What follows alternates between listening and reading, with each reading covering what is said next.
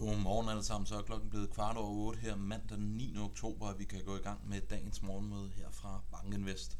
Først og fremmest så vil jeg godt lave lidt reklame for på onsdag, der kom Søren Bertelsen på, og han skal altså snakke lidt omkring emerging markets obligationer, noget der i den grad er blevet lidt relevant her over weekenden, eller yderligere relevant her over weekenden, med den her krig, som vi i øjeblikket ligger og ser øh, nede i Israel. Så endelig ring på til morgenmad på onsdag, og der vil jeg altså få en gennemgang af emerging markets obligationer. Den oprindelige tema, det var fra Kina til Kina plus 1. Så endelig ring ind. Hvis vi hopper til slide nummer 3, hvilke temaer er det, der dominerer i øjeblikket? Jamen først og fremmest skal vi jo starte med de meget kedelige nyheder. Israel det er kommet under angreb her lørdag morgen.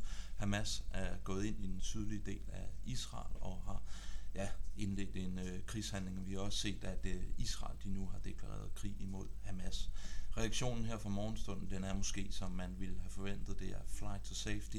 Vi ser altså bud efter lange obligationer, vi ser, at dollaren den er bedt, og vi ser, at olieprisen den ligger og stiger relativt kraftigt. Samtidig med alt det her, jamen så ser vi altså, at aktiepriserne falder sådan relativt kraftigt her fra morgenstunden. Vi har amerikanske S&P 500 future nede med 0,7, men det ligger bedre sig lidt her på marginalen. Men det er altså nogle negative markeder, vi vågner op til her mandag morgen, som følge af den her krig nede i Mellemøsten. Når det er sagt, jamen hvis vi prøver at zoome lidt ud og så fokusere lidt på, hvad der skete i fredags, jamen så for første gang i rigtig, rigtig lang tid, så virker det altså til, at gode nyheder, det bliver nu tolket som gode nyheder i markedet. Vi så, at selvom beskæftigelsesvæksten den kom ud rigtig stærkt for den amerikanske økonomi, at de amerikanske aktiemarkeder var i stand til at stige rigtig, rigtig kraftigt, og det er altså en stor divergens i forhold til det markedsmiljø, som vi har været i over de seneste par måneder. Når, øh, som jeg sagde indledningsvis, aktier stiger relativt kraftigt. Jeg kommer også lidt tilbage til det senere i, i den her præsentation, men det er altså også værd at bemærke, at den amerikanske 10-årige, den hoppede altså op på sit højeste niveau for 2023. Det er lidt ned for det intraday peak, som den havde i fredags, men det er altså rigtig, rigtig høje niveauer, som vi ligger og ser på den amerikanske 10-årige, og det er altså også den her stipning af rentekurven, som vi har været vidne til over de sidste par måneder, der har været med til at drille aktiemarkedet en lille bit smule over de seneste par måneder. Men alt det her, eller alle de her ord, det leder mig videre til slide nummer 4, og her viser jeg de ugenlige afkast på S&P 500, og der kan vi altså se, at vi sidste uge faktisk havde det største ugenlige afkast i over en måned. Vi havde altså S&P 500, der endte op med over 1%. Så en positiv afslutning på ugen, til trods for, at det intra-fredag så relativt grimt ud. Ser vi på det lidt længere horisont, og så holder det op imod de glidende gennemsnitter, jamen så er det jo altså ikke imponerende niveauer, S&P 500 ligger på. 43.09, det var det, vi sluttede af her i fredag, så det er altså markant under det 50-dage glidende gennemsnit, der hedder 44.23. Og nu, efter den her korrektion, vi har set op gennem august og september, begynder at kravle ned. Noget andet, vi også kan konstatere, det er, at indtil videre i hvert fald, det, jamen, så virker det altså til, at det 200 dage glidende gennemsnit, det holder altså stand markedet er altså ikke rigtig i stand til at det under det, og vi har altså bounced sådan relativt kraftigt fra, fra de niveauer. Så indtil videre, jamen, så er det 200 dage glidende gennemsnit altså stærkt nok til at holde aktiemarkederne over det. Slide nummer 6, jamen, det viser hældningen på den amerikanske kurve opgjort på 2-10 punkter, som I kan se, så har vi altså stejlet markant siden juli måned. Vi er altså gået fra en inverteret rentekurve på 125 punkter til nu blot 28 punkter. Og den her stejling, som sagt, det er altså det, som i høj grad har været med til at drille aktiemarkedet i takt med, at det er præget, eller presset de her dyrt prisfastsatte amerikanske aktiemarkeder en lille bit smule ned.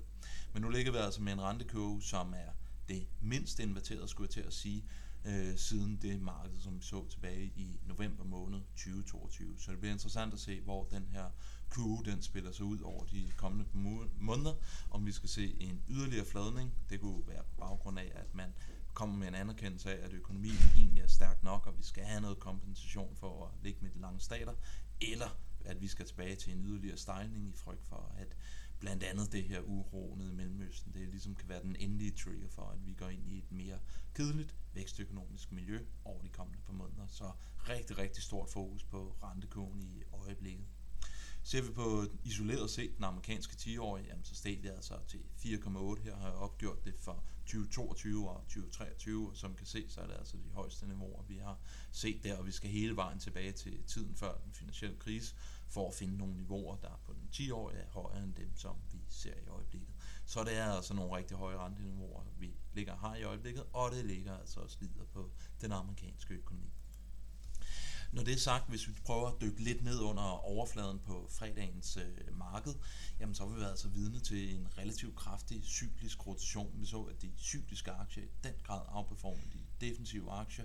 Vi så også, at growth havde en relativt god dag i forhold til value, og endelig så så vi, at low vol faktoren, det var den, der i mindst mulig udstrækning kunne følge med de her stigende markeder, som vi var, været, som vi var vidne til. Så ikke bare lå vi at på et headline-niveau, under overfladen, så var der altså også en stor grad af optimisme og spore. Så er der en, øh, en graf, der er snedet sig ind her og driller mig lidt. Øh, den har jeg faktisk ikke fået opdateret, så vi hopper direkte videre til den næste. Noget andet, vi kan se her på slide nummer 10, jamen det er VIX-indekset. Og det ligger altså faldet relativt kraftigt her i fredag, så vi ligger nu på 17,5. Så ser vi på optionsmarkedet, så er der altså ikke den helt store frygt og spore i øjeblikket, selvom vi ser de her kraftige opadgående bevægelser i de lange renter i USA. Nå, og hvad var det så, der var hovedfokus på den makroøkonomiske front i fredags? Jamen, det var den amerikanske beskæftigelse, og den kom ud rigtig, rigtig stærkt og oversteg i den grad analytikernes forventning. Jeg tror, at mange havde forventet, at vi skulle se en lidt lavere beskæftigelsesvækst i lyset af LRP-rapporten, som kom ud relativt beskedent, men det gjorde vi altså ikke. Så vi så en beskæftigelsesvækst, som var rigtig, rigtig stærk, og som i forlængelse også i, eller hvad hedder det, Initial Jobless Claims, bekræfter det her billede, vi i øjeblikket har af en amerikansk øh, beskæftigelse eller amerikansk arbejdsmarked, som bare er bum stærkt. Det, der så kunne snakke for, at vi øh, steg, selvom vi så den her stærke beskæftigelsesvækst, det er lønvæksten. For lønvæksten, hvis vi tager en 3 måneder annualiseret øh, lønvækst i USA, jamen, så kom den altså bare ud på 3,38, og det var altså også lavere end det, analytikerne havde forventet. Så selvom vi har et arbejdsmarked, hvor der i den grad bliver skabt en masse nye jobs, så ser vi altså ikke et opgående lønpres, øh, som man måske kunne have frygtet. Så i øjeblikket, så ser vi altså, at lønvæksten den begynder at komme ned, og samlet set, hvis man skal være lidt optimistisk, så tegner det jo altså et billede af en amerikansk økonomi, som potentielt kunne gå ind i sådan et øh, Goldilocks-scenarie, hvor vi ser stærk vækst, samtidig med, at vi ser inflationen komme ned. Men alt andet lige, så er det altså positivt, at lønvæksten den ikke accelererer i øjeblikket. Det, der kommer til at være hovedfokus i den her uge, ud over de regnskaber, som vi får her på fredag, jamen det er den amerikanske inflationsrapport, der kommer på torsdag. Markedet de forventer, at vi skal se en amerikansk kerneinflation øh, måned for måned på 0,3. Kommer vi ud lavere end det, jamen, så vil det altså bare spæde til det her tema om Goldilocks. Kommer det ud højere end det, jamen, så er der nok ingen tvivl om, at vi i endnu højere grad skal frygte, at vi ser både yderligere renteforholdelser fra den amerikanske centralbank, og at det kommer til at holde renterne på højere niveauer end tidligere ventet. Så det er altså hovedfokus for den her uge. Det er altså den amerikanske inflationsrapport.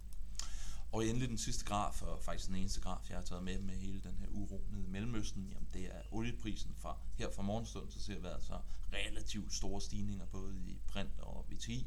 Vi ser dog stadigvæk, at Brent, som jeg har taget med her, det ligger altså på under de niveauer, som vi så for et par uger siden. Men det er klart, at begynder vi at se et opadgående pres på oliepriserne, jamen så vil det altså bare spæde til den her frygt for, at vi skal se højere end øh, eller højere renter igennem længere tid, i takt med, at den amerikanske centralbank skal forsøge at holde inflationen nede. Så meget, meget stort fokus på, hvordan oliepriserne kommer til at udvikle sig her over de kommende par dage. Hvad kommer i fokus i dag? Jamen, der er jo nok ingen tvivl om, at vi skal have et rigtig stort fokus, både på Israel og på Mellemøsten, og se reaktionerne der, om hvordan det øh, hele kommer til at spille sig ud. Og vi har jo som sagt set, at Israel nu har deklareret krig imod Hamas, så vi må forvente, at vi kommer til at se en lidt øh, længere krig, hvor de kommer til at gå ind og forsøge at, at nedkæmpe Hamas. Så skal vi nok også fordøje øh, arbejdsmarkedssporten. Det tager jo som oftest lidt mere end bare øh, et par timer at fordøje den. Så det bliver også spændende at se, hvordan markedet reagerer her i dag på baggrund af det her stærke arbejdsmarked, vi ser i USA. Her for morgenstund, så har vi altså nogle, som sagt, negative amerikanske aktiefutures. Det er flight to safety, der dominerer. Og endelig, jamen, så er der altså regnskaber i slutningen af ugen i forlængelse af den her inflationsrapport, vi får fra USA. Med disse ord, jamen, så ønsker jeg alle sammen en rigtig, rigtig god dag, og held og lykke. Vi snakkes ved i morgen. Hej!